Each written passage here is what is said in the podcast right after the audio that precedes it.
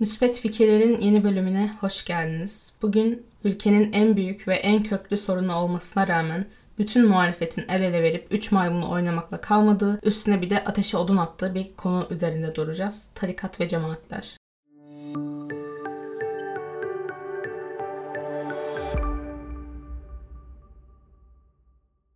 Yakın zamanda Usta Osmanoğlu öldü. Ee, tabii her zaman kötü haberlere uyanacak değiliz. Arada böyle güzel şeyler de oluyor. Ama tabii insanlık ölmedi. Yani böyle zamanlarda düşmanlık olmaz. Müritlerine başsağlığı diliyorum. Umarım elini eteğini öpecek, abdest suyunu içecek başka bir dolandırıcı din tüccarı bulurlar yakın zamanda. Neyse günlerdir üstünden herkesin vicdan tatmini yaptığı, bir Allah rahmet eylesin demek çok mu zor?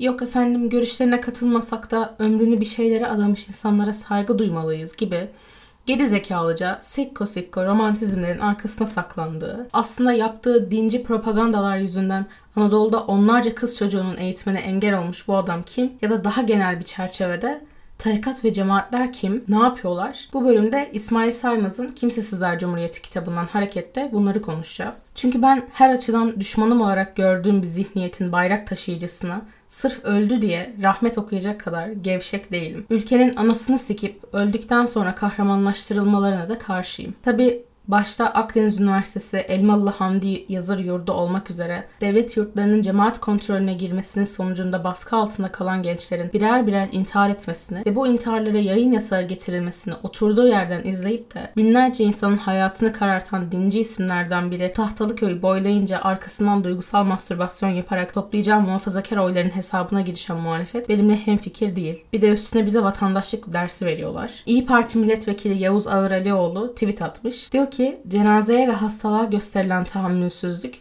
bu toprakların mayasına ait değildir ve Türk Türk milletinin asaletine yakışmaz. Ya siz ya siz kimsiniz ya? Yani sizin konuyla ilgili yapmanız gereken tek bir şey vardı. O da tarikat yurtlarında kafası kesilen, intihar eden insanların arkasına bu ülkeyi ayağa kaldırmaktı. Bunu bile beceremediniz. Şimdi gelmişsiniz millete yok Türk milletinin asaleti, yok her boka ta- her boka tahammül etmeniz lazım. Kimse de neden tahammül etmek zorunda olduğumuzu anlatmıyor. Çünkü bunlar öyle e, karşıt görüşten insan, yok efendim farklı yaşam tarzındaki insan diye yumuşatılacak insanlar değiller. Bunlar bizim düşmanımız, bunlar bizim hasmamız. Allah bizi tahammül denen beladan korusun. O kadar yoruldum ki hani bütün partilerin muhtemelen sosyalist partiler, komünist partiler hariç bütün partilerin aşırı muhafazakarlığa kaymasından, nasıl olsa seküler oylar garanti, gidip AKP'ye oy verecek değiller diye e, laiklikten devamlı %100 taviz vermelerinden inanılmaz sıkıldım. Şu an birisi bir parti kursa ve yani Allah yok dinler yalan diye geze geze miting yapsa gerçekten ona oy verecek vaziyetteyim. bir vatandaş da bu milletvekili falan değil ama dikkatimi çekti sadece. Şöyle bir tweet atmış. Mahmut Usta Osmanoğlu'na yeterince hakaret ettiyseniz size bir sorum var. O hakaret ettiğiniz kişi için yarın Cumhuriyet tarihinin en büyük cenazelerinden biri yapılacak. Yüz binlerce kişi katılacak. Sizden biri ölünce 10 kişi bir araya gelemiyor. Hiç bunun nedenini araştırdınız mı demiş. Araştırdım ben arkadaşlar. Ee, hepinizin aklına gelen çünkü insanlar cahil ve geri zekalı cevapları hariç bazı başka cevapları da var. Ee, mesela tarihsel olarak bakmak gerekirse yaşamanın, hayatta kalmanın e, geçmişte bugünkünden bile daha zor olmasından mütevellit. Birey olarak var olamayan, hayata tutunamayan insanlar kendilerini, e, kendilerine iş, aş ve eş bulacak, kendileri yerine karar alacak topluluklar içerisinde buluyorlardı. Çünkü böylesi daha güvenli ve garanticiydi. Birazdan İsmail Saymaz'ın Kimsesizler Cumhuriyeti kitabındaki örneklerine geçince orada da göreceğiz ki toplumun ekonomik durumuyla bu tarikat ve cemaat gibi yapıların pençesine düşüp düşmemesi arasında inanılmaz güçlü bir bağ var. Çünkü insanların cehalet ve muhtaçlık durumlarından beslenen, bu yüzden de insanları cahil ve yoksul bırakacak siyasi güçlerle, partilerle işbirliği içerisinde olan örgütler bunlar. E, ellerinde kontrol altında tuttukları on binlerce koyun da var. Bunların oylarını tek laflarıyla etkileyebiliyorlar da. E, bu yüzden siyasi partiler de bunlarla işbirliği yapıyor. Devlet bunlara maddi destek oluyor. Gerektiği yerde bir alandan çekilip meydanı tamamen bunlara bırakıyor.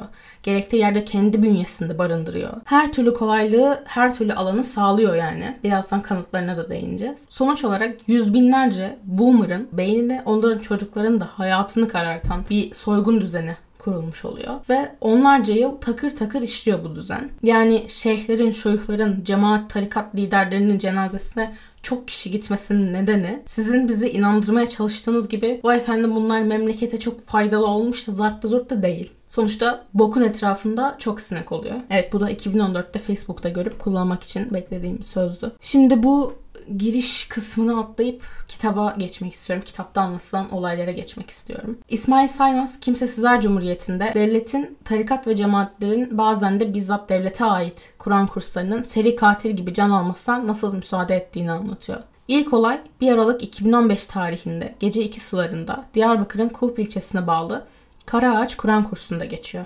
Yatakhanedeki prizin patlamasıyla oluşan yangın ve sonrasında 6 çocuğun ölümü. Bu sadece bir kaza değildi çünkü ertesi gün yurda giren jandarmaya göre yurtta elektrik sayıcı yoktu, kaçak elektrik kullanılıyordu. Hatta elektrik panosundan dağ parçaları çıkmıştı. Yangın anında akımı kesmek için gereken yalnızca 50 lira değerindeki kaçak akım rölesi de takılmamıştı. Bu eksikliklere rağmen müftülük bu kursun faaliyetine izin vermişti. Halbuki hem bu saydığımız sebeplerden hem de ona için başvurulduğunda kursun hali hazırda yasa dışı öğrenci kabul ediyor olmasından kursun kapatılması gerekiyordu. Karaağaç yangınından sonra hiçbir veli şikayetçi olmadı. Allah'ın takdiriyle olmuştur dediler. Konuyla ilgili de kimse tutuklanmadı. Konya'nın Taşkent ilçesine bağlı Bağcılar Belediye Başkanı Mehmet Demirgül, LPG patlamasında 18 kız çocuğunun can verdiği ve 28'inin ağır yaralandığı özel Boğaziçi Kız Öğrenci Yurdu'nda Süleymancıların yasa dışılığına göz yumulduğunu itiraf etti. Yurt kaçaktı. Hortumda regülatör yoktu. Süleymancılar kapasiteyi aşarak 46 öğrenci almıştı. 5. sınıf ve altındaki öğrencilere yurt açma yasağına uymamışlardı. Suç üstüne suç işlemişlerdi ve kimse buna bir dur dememişti. Olayla ilgili ifadelerinde Kur'an kursu verdiklerini reddedip çömlek ve İngilizce kursları verdiklerini iddia ettiler. Üstelik çocuklarını bu olayda yitiren veliler de bütün yalanlarını ortak olarak yalan ifade verdiler. Yalancı tanıklık karşısında yargıç yatılı İngilizce kursu mu olur diye sormadı. Süleymancılar ve avukatları şikayetçi olmak isteyen aileleri kadere iman etmeyen imansızlar diye suçladılar. Halbuki bilir kişilere göre kaza öngörülebilir ve önlenebilir nitelikteydi. Ailelere para teklif edildi. Hoca efendileri kendilerine çocuklar sizi cennetin kapısında bekliyor. Anne ve babaları sorgusuz sualsiz içeri girecekler. Şikayetçi olup bu haktan mahrum olmayın demişti. Herkesi susturdular. Bizden de bu insanlara saygı duymamız bekle, bekleniyor. Yani e, adalet sisteminin anasını siken, insanları böyle cennetle cehennemle tehdit eden e, bu sahtekarlara saygı duymamız bekleniyor. E, bir kilo poşet çaya duyduğum saygı daha yüksek.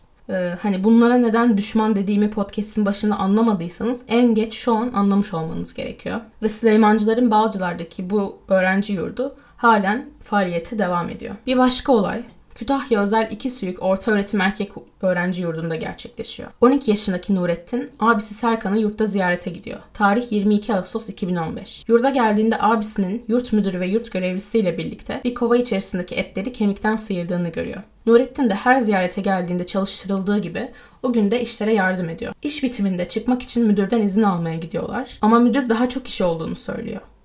Aşçı da iki kardeşi mutfağa götürüyor. Serkan'ın bulaşık yıkamasını isterken kendisi de Nurettin'le birlikte kıyma makinesinin başına geçiyor. 2 kilo eti makineye atan da kıymanın gelmesiyle kalan etleri makineye Nurettin'in atmasını istiyor. Et bastırmak için bir alet olmadığından deliğin içindeki eti eliyle bastırmak zorunda kalan Nurettin kolunu kıyma makinesine kaptırıyor. Bir şekilde makineyi durduruyorlar ve ambulansın gelmesini beklerlerken aşçı da kolu makinede acı içinde kıvranan Nurettin'i şikayetçi olmaması için tehdit ediyor. Nurettin ifadesinde şöyle demiş. Kıyma makinesini merak edip abimin arkasından gelerek kimsenin görmediği bir anda elimi sokup kaptırdığımı söylemem için bana ve abime baskı yaptı. Bunları söylemezsen polisi aramam, beni şikayet edersen birkaç ay içinde yatar, çıkarım ama tedavini yaptırmam dedi. Ben de korktum. Bu hikayedeki bir sürü ihmalin yanında bu arada dikkatimizi çekmesi gereken şey e, aşçının birkaç ay atıp birkaç ay yatıp çıkacağına dair olan güveni devletin böyle bir durumda kendi tarafında olacağını çok iyi biliyor yani. Sağ kolu dirseğine kadar doğranmış ve paramparça olmuş olan Nurettin ameliyata götürülürken abisi Serkan etrafını saran Süleymancılar tarafından baskı altına alındı. Yurdun müdürü, aşçı ve başka birkaç kişi gerçek dışı ifadeleri ona ezberletmeye çalıştı. Serkan gizlice cep telefonunun kayıt tuşuna bak- basarak bu konuşmaları kaydetti. Konuşmalarda Serkan bak şimdi kurşu zarara sokmayalım tamam mı? E, olacağı varmış kuzum ne yapacaksın ya gibi ifadeler var. Ezberletilmeye çalışılan yalan ifadenin yanında. Serkan o gün korkusundan yalan ifadeyi veriyor. Yani Nurettin yurdun için merak edip gezmiş de yemekhanede kıyma makinesi eline kaptırmış falan diyor. Ama bir ay sonra olan biteni babasına anlatıyor ve aile savcılığa giderek tarikatın oyununu bozuyor. Serkan gerçek ifadesinde şunları söylüyor. Hocalar tarafından baskı uygulandı. Ben de korktum ve kendilerinin istediği şekilde ifade verdim. Müdür ve aşçı bana kardeşimin tedavisi için ayrı ayrı 100 lira para verdi. İstediğimiz gibi ifade verirsen tedavisiyle ilgileniriz. Aksi halde yardımda bulunmayız. Bize bir şey olmaz, en fazla birkaç ay yatar çıkarız dediler. Serkan ifadesinde seni aşçı yapacağız, İstanbul'da sigortalı çalıştıracağız gibi tarikatın verdiği vaatlerden de bahsediyor. Hatırlarsanız birkaç dakika önce tarikat ve cemaat gibi yapıların tutulmasının asıl nedeni olarak bundan bahsetmiştik. Yani kendisine iş, aş bulacak yapılara ihtiyaç duymak. Bu da bu bahsettiklerimizin kanıtı oldu. Dava açılıyor ama faciadan 20 ay sonra keşif için yurda geliyorlar. Ve o kadar sürede tabii yurttaki bütün eksiklikler giderilmiş, kıyma makinesi değiştirilmiş, güvenlik levhaları takılmış oluyor. Dolayısıyla sadece aşçı ceza alıyor. O da sadece 18 ay 20 gün. Bir de üstüne çocuğun hastane masrafları ödendi diye ceza 5 yıl süreyle erteleniyor. Bu olaydan sonra Serkan ve Nurettin bunalıma giriyor. Nurettin kolunu makineye kaptırdığı günkü sesler kulağın, kulaklarında çınladığı için birinci sınıfta liseden ayrılıyor. Hem bu olayda hem de sonraki olayların çoğunda dikkatimi çeken bir şey var. O da şu. Ailelerle röportaj yapıldığında aileler çoğunlukla okutmaya imkanımız yoktu. Tarikat da geldi çocuğunuz yanımızda çalışsın okusun dedi. Biz de başka türlü hayatımızı hayatını kurtaramayacağımız için çocuğumuzun kabul ettik şeklinde ifadeler var. Çünkü 12 Eylül'den itibaren başlayıp e, AKP iktidarında tamamlanan ekonomik politikalar sonucu Türkiye toplumsal ve sosyal bir yıkıma uğradı. Kentlerde biriken yoksulluk tarikat ve cemaatlerin istismar alanına dönüştü. Bu bakımdan Ermenek'te 18 işçinin yer altında 16 bin ton çamur içinde can vermesiyle Ensar Vakfı'nın yurdunda 10 çocuğun tecavüze uğraması birbiriyle bağlantılı. Yer altında insanoğluna aykırı şekilde çalıştırılan bir babanın çocuklarını okutabilmesi için Ensar Vakfı'na göndermekten başka yolu yoktur. Yahut Aladağ'da çalıştığı maden ocağı kapatılan baba için para talep etmeyen Süleymancı yurdunu tercih etmek belki tek seçenektir. E, burası da kitabın e, en sonundaki sonuç kısmından bir alıntıydı. Hani ne zaman tarikatlar, cemaatler bir bok yese ve gündem olsa bu yapılanmalar sanki dinlerini yaşamak isteyen insanların bir araya geldiği, saygı duymak zorunda olduğumuz özgürlük kapsamında olan yapılarmış gibi anlatılıyor ya bazı insanlar tarafından. Hiç de öyle değil açıkçası. Yani öyle olsalar da bana ne? Yani umurumda bile değil kimin neye inandığı, kimin nerede bir araya gelip ne hangi ibadeti yaptığı umurumda bile değil. Ama tarikat ve cemaatler bugünkü düzende sokak sokak, köy köy, fakir çaresiz çocuk topluyorlar. Kendilerine militan yetiştirmek için. Ya bu küçücük çocukların hangi dini görüşü, hangi kararı, hangi özgür iradesi? 10-12 yaşında çocuklar kendileri bir dini mantıklı bir şekilde seçip e, bir de o dinin işte şeyini mi cemaatini mi tarikatını mı seçiyorlar. Böyle bir şeyin olmadığını biliyoruz. Tamamen yoksulluklarından faydalanılan ve bu yoksulluğu bu yüzden yaratacak olan siyaseti sürekli besleyen, o siyasetle sürekli bir alışveriş içerisinde bulunan zarardan başka bir şey sağlamayan yapılar bu tarikat ve cemaatler. Şimdi bir başka olaya geçiyoruz. Aladağlılar çocuklarını ilçe merkezindeki okullarda yatılı okutuyorlardı. Fakat Adana Valiliği çocukların kaldığı pansiyona deprem riski nedeniyle yıkım kararı almıştı. Çocuklar yurt bulunamadığı için bir buçuk ay boyunca okula gidemediler. İlçe Milli Eğitim Müdürü köylüleri Süleymancılara ait olduğunu bildiği yurda yönlendirdi. Bütün çevre köylerin öğrencileri Süleymancıların yurdunda kalıyor, oraya verin dedi. Süleymancı yurdu ailelerden para bile almadı. Devlet destekli kardeşim, para almıyoruz dediler. Yani arkadaşlar devlet bunlara vereceği parayla kendi yurt açamıyor. Ee, ya da size burs mu hani daha düzgün özel okullarda kalmanız için burs murs bir şey veremiyor. E, illa bu örümcek kafalıların eline düşmeniz lazım. Tabi yurt kaçaktı. E, merdivenler ve duvarlar yanıcı malzemelerle döşeliydi. Yangın merdiveni çıkış yangın merdiveni çıkış kapıları ucuz ve dayanıksız malzemelerle yapılmıştı ve birinci kattaki kapının kolu yoktu. Günah olduğu gerekçesiyle babaların sokulmadığı yurtta erkek güvenlik görevlisi de yoktu. Peki bu yurt hiç mi denetlenmedi?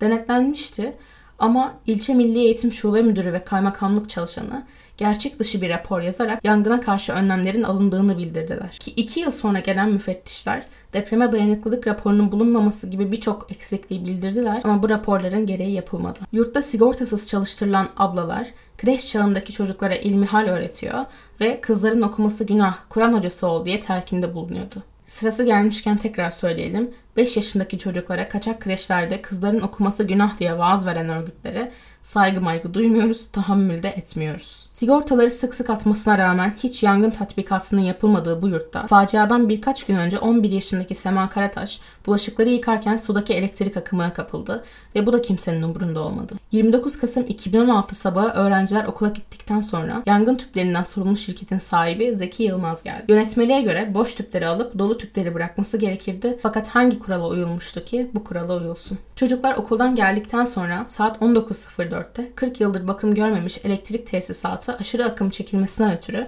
kendiliğinden tutuştu. Ne alarm sistemi ne de duman dedektörü vardı. Üçüncü katta ders çalışan dört çocuk elektrikler kesilip yanık kokusu gelince yangın merdivenine koştu. Ama merdivene açılan kapının kolu yoktu. Kızlar pencereden atladılar. Onlar atladıktan hemen sonra çatı çöktü. Üstelik yurt idaresi itfaiye haber vermemişti. Yurtla arasında yalnızca 800 metre olan itfaiye yangının haberini 20 dakika sonra civardaki bir vatandaştan aldı. O gün o yangından 11 çocuğun cesedi çıkarıldı. Tarikatın avukatları ailelere gerçek dışı ifade vermesi için baskı yapıyordu. Yurttaki kızlardan Yasemin'in yanına gelip yangın merdiveninin kapısı açıktı demesini istediler. Süleymancılar ailelerin hesaplarına yüklü miktarda paralar da yatırdılar. Kozan Ağır Ceza Mahkemesi'ne gönderilen bilirkişi raporunda facianın iş kazası olduğu iddia edildi. Halbuki kanunda iş kazası sigortalının iş yerinde bulunduğu sırada meydana gelen ölüm olarak açıklanıyordu ve Aladağ'da sigortalı çalışan kimse yoktu. Yine de bu rapor üzerine sanıklar salındı. Üstüne üstlük sanıklardan Aladağ Milli Eğitim Müdürü Mehmet Aktaş bir ortaokula müdür olarak atandı. 2002 yılından sonra yatılı bölge okullarını kapatarak aileleri ve çocukları cemaat, dernek ve vakıfların kaçak yurt, ev ve pansiyonlarında kalmaya mecbur eden devletimiz, faciadan sonra çocuğu ölen 12 ailenin eline onar bin lira sıkıştırıp büyüklüğünü gösterdi. Bir diğer olayı Ensar Vakfı tecavüzcüsü Muharrem Büyüktürk'ü herhalde hepimiz tanıyoruz. AKP'nin dindar nesil yetiştirme projesinin en büyük ayaklarından biri olan, devletten aldığı yardımların yanında ABD Büyükelçiliğinden de 129 bin dolar yardım alan, tecavüz olayları hakkında eski aile bakanımızın bir kereden bir şey olmaz dediği Ensar Vakfı'ndan bahsediyorum. Vakfın Karaman Şubesi 2012 yılında il özel idaresine başvurarak öğrenci hizmetleri için ihtiyaç duyulan malzemelerin satın alınmasında kullanılmak üzere yardım istedi. Plan Bütçe Komisyonu 19 Ekim 2012'deki raporunda vakfı överek yardıma olur verdi. Oysa bu yurt yasal değildi. İmaret Mahallesi'ndeki Ensar Vakfı binasının iki katı yurt şeklinde düzenlenmişti fakat hiçbir izin alınmamıştı. İl Özel İdaresi 25 bin lira vererek kaçak yurdu döşedi. Şube Başkanı Ali Bağcı, yurt açılınca Büyük Türk ve öğrencilerle Vali Murat Koca'yı ziyaret etti. Koca, 3 Ocak 2013'te kabul ettiği öğrencileri öptü, Bağcı'yı ve Büyük Türk'ü kutladı. Koca kaçıncı sınıfta okuyorsunuz diye sorsa 5. ve 6. sınıflarda okuduklarını öğrenmiş olacaktı. Yönetmeliğe göre bu çocuklar özel yurtta barındırılamazlardı. Çocuklardan biri ensarda kalırken henüz 10 yaşındaydı. Yatağında uyurken bir kişinin eşofmanını indirmeye çalıştığını fark ederek korku içinde uyandı. Gördükleri karşısına şok geçirdi. Çünkü bu kişi hocam dediği büyük Türktü. Eşofmanını çektikten sonra tedbir olsun diye sırt üstü yattı. O halde uyudular. Büyük Türk sabah bir şey olmamış gibi kalkıp gitti. Bir ay sonra ikinci kez geldi. Üçüncü gelişinde ise tecavüz etti. Ne vakit yurtta çocuklar arasında gürültü olsa Büyük Türk sinirlenmiş gibi görünerek odasına çıkıyor ve çocukların özür dilemek için gelmesini bekliyordu. Özür için gelenlerden her kim kendisini sinirlendirmişse o çocuğu yanında alıkoyuyor, diğerlerini gönderiyordu. Bu şekilde bahsettiğimiz 10 yaşındaki çocuk 12 kez tecavüze uğradı. 10 yaşındaki bir diğer çocuk da yetimdi. Bayramda köyüne gidemediği için ranzasında uyurken yanında uzanan Büyük Türk'ün cinsel istismarını fark etti. Büyük Türk sarıldığı çocuğa seni Allah ve Resulünün rızası için seviyorum dedi ve gitti. Çocuk o gece kurtulsa da bir yıl sonra kayımder yurdunda tecavüze uğradı. Büyük Türk sadece bu iki çocuğa değil 10 çocuğa daha tecavüz etti. Muharrem Büyüktürk Şubat 2015'te çocukların ailelerini arayarak eğitim hayatlarının sağlıklı sürmesi için ortam değişikliği gerekir dedi ve bu yolla Ensar Vakfı'ndan tanıdığı 6 çocuğu Ereğli İmam Hatip Ortaokulu'na naklettirdi. Tecavüz ettiği çocuklardan birinin anne ve babasıyla Ereğli'de kiralık ev aradı. Yörükoğlu Camisi'nin lojmanını ayarladılar. Ensar Vakfı ve Kayımder'de tecavüze uğrayan 6 çocuk lojmana yerleşti. Bu arada kayımder yurtlarındaki olaylar e, çok uzun ve çok detaylı anlatıldığı için, çok detaylı betimlendiği için oraları atladım. E, zaten ben atlamasam da siz dinlerken atlardınız. Çünkü gerçekten çok kötü. E, ama bütün bu olayları Türkiye çocuklardan birinin psikiyatriste götürülmesi ve psikiyatristine anlatması sonucunda öğreniyor. Bu arada bu lojman olayında da artık gerçekten ailelerin cahilliğine falan veremiyorum bu durumu. Yani önceki e, ve sonraki bazı olaylarda tamam aileler cahil, tarikat cemaat yurdu ne bilmiyorlar. Başka seçenekleri yok. Başka yurtu yok. Bilmem ne mecbur kalıyorlar falan diyebiliyordum ama yani benim çocuğum neden öğretmeniyle eve çıksın ya? Neden öğretmeniyle lojmanda kalsın? Ayrıca öğretmeni neden durduk yere beni arayıp okul değiştirsin bu çocuk birlikte lojmana çıkalım falan diyor. Niye böyle bir şey istiyor bu herif? Ne münasebet yani nasıl bir e, aile buna izin verir? Bir de üstüne üstlük bu herif yaz tatillerinde çocukları kendi köyüne falan getiriyor. Ya ne alaka abi? Ne alaka benim çocuğum niye öğretmeni kendi köyüne götürsün ya? Yani gerçekten inanılmaz saf olmak lazım. İnanılmaz kötü bir aile olmak lazım buna izin vermek için bence. Ee, köyde kalan diğer insanlar falan da şey diyorlar bu arada. Parayla işim yok ben kendimi İslami nesil yetiştirmeye adadım diyen bir öğretmene siz de inanırsınız. Hayır inanmayız. Yani geri zekalı ahraz niye inanalım? Biz aptal mıyız senin gibi? Bu rayı okurken tam buna benzer bir not da almışım bu arada. Ee, birebir okuyorum çünkü hislerim hala aynı. Hayır inanmayız aptal orospu çocuğu kahpe yavşak beyin kıvrımlarını sikeyim senin geri zekalı her Allah diyene inana inana ülkenin anasını siktiniz yazmışım. Doğru yazmışım. Şu an bir şey ekleme ihtiyacı hissetmiyorum. Bundan daha eksik de hissetmiyorum. Muharrem Büyüktürk bir süre suçlamaları kabul etmiyor. Sonra itiraf ediyor ve şunu söylüyor savcılıkta. Ben eşcinselim, 10 yaşımdan beri hemcinslerime ilgi duyuyorum, pişmanım, tedavi olmak istiyorum. Ulan ya karaktersiz şerefsiz. Sorun sence eşcinsel olmalı mı? Buradaki sorun. Yani git yetişkin erkeklerle rıza çerçevesinde istediğini yap. Bize ne? Biz İslamcı mıyız? Umurumuzda olmaz.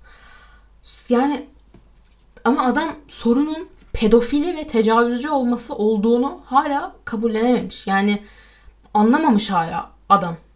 Farkında değil yani bunun. Sorun eşcinsel olması zannediyor. Hani e, kız çocuklarına tecavüz etse pişman olmayacak ya da tedavi olmak istemeyecek. Çünkü o zaman eşcinsel değil, sıkıntı yok yani. Tek pişman olma ve tedavi olma isteme nedeni eşcinsel olması. Yani böyle bir yani böyle bir saçmalık gerçekten olamaz. Bütün bu olaylarla ilgili bu Ensar Vakfı olayıyla ilgili işte Aile Bakanı'nın ne dediğini hatırlıyoruz. Bir kereden bir şey olmaz muhabbeti. Bunun üzerine Kılıçdaroğlu aileden sorumlu bakan da zaten birilerinin önüne yatmış o da konuşmuyor demiş. Ee, çok tebrik ediyorum bunu dediği için. Arada böyle sert çıkışlar yapıyor Kılıçdaroğlu. Onlardan biri olmuş. Güzel olmuş. Ee, ve AKP'liler tabii ki bütün bu tecavüz olayına 10 çocuğa tecavüz edilmesine falan değil. Kılıçdaroğlu'nun çıkışına sinirlenmişler. Skandaldan sonra e, devletimiz de tabii eli kolu bağlı oturmuş. E, hiçbir şey yapmamış yani bu vakıfla ilgili. Hatta dönemin başbakanı Ahmet Davutoğlu Manisa'da katıldığı bir açılışta Ensar Vakfı'nın Ensar Vakfı'nın insanlığa ve ülkemize hizmet ettiğine şahitlik ediyoruz diye gevşek gevşek konuşmuş. Hani arada bunların pisliklerini unutup e, muhalif olduklarına falan kendinizi ikna ediyorsanız diye bir hatırlatayım dedim. Olaydan sonra Ensar Vakfı tabii ki her türlü faaliyetine devlet sponsorluğunda bir de gerçekleştirmeye devam ediyor. Ee, Ensar ya da Kayımdar yöneticileri hiçbir zaman yargılanmıyorlar. Muharrem Büyüktürk de e, çocuğu istismar, hürriyeti sınırlama ve müstehcen görüntüleri izletme. Bu da bu arada şey hayvan çiftleşme görüntüleri izletiyor arada çocuklara. E, bu suçlardan 508 yıl 3 ay hapis cezası alıyor. E, fakat Sayın e, Aile Bakanımızın iddiasının aksine bu olaylar bir kezde de sınırlı kalmamıştı. Ya bu adamın tecavüz tecavüzleri zaten bir kez de sınırlı kalmış. Bu arada bir kez de sınırlı kalsa da hani yani şey değil. Bir kereden bir şey olmaz değil zaten öyle düşünen insanlar değiliz ama başka tecavüzcüler de var yani bir de. Ee, yine Ensar Vakfı kapsamında.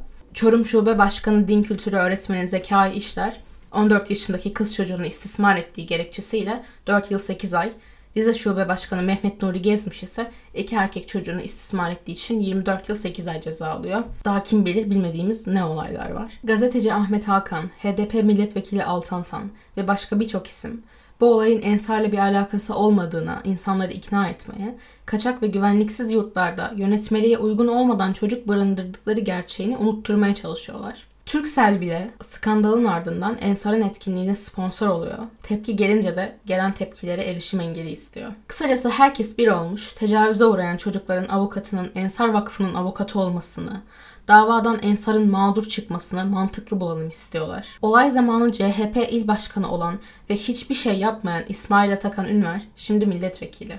Daha doğrusu en azından bu kitap e, yayınlandığında milletvekiliymiş. Şu an milletvekili mi bilmiyorum. O tarihte olayla ilgili kendisini arayan gazeteci Mustafa Hoş'a ilgilenmek zorunda mıyım demiş. İlgilenmek zorunda mıyım? Tabii kendisi avukat. Ağzını açsa hem müvekkil alamayacaktı hem de hemşerilerinden oy alamayacaktı. Yani herkes kendi çıkarını düşünüyor. Yani tarikat ve cemaatlerle ilgili bunların sadece AKP hükümetinden kaynaklı sorunlar olduğunu, seçimi bir kazansak her şeyin düzeleceği yanılgısına kapılmayalım. 2014 ee, yılında Antalya'da yerel seçimlerde CHP bunlarla pazarlık etti. Süleymancılar Cumhurbaşkanlığı seçimlerinde Meral Akşener'e, parlamentoda İyi Parti'ye oy verdiler. Bu yüzden hatta AKP'nin hedefi haline geldiler ve yurtlarına müfettiş gönderildi. Bu bölüm bu kadardı. Ee, tarikat ve cemaatlerle ilgili daha fazla bölüm yapacağız çünkü konuşulacak çok şey var. Buraya kadar ruh sağlığınızı koruyabildiyseniz tebrik ederim. Çünkü ben kitabı okurken de, bölümü yazarken de, kaydederken de e, koruyamadım. Umarım tarikat ve cemaatler en kısa sürede en hızlı biçimde yok olurlar. Bir sonraki bölümde görüşmek üzere. Kendinize iyi bakın. Tarikat ve cemaatlerden uzak durun. Hoşçakalın.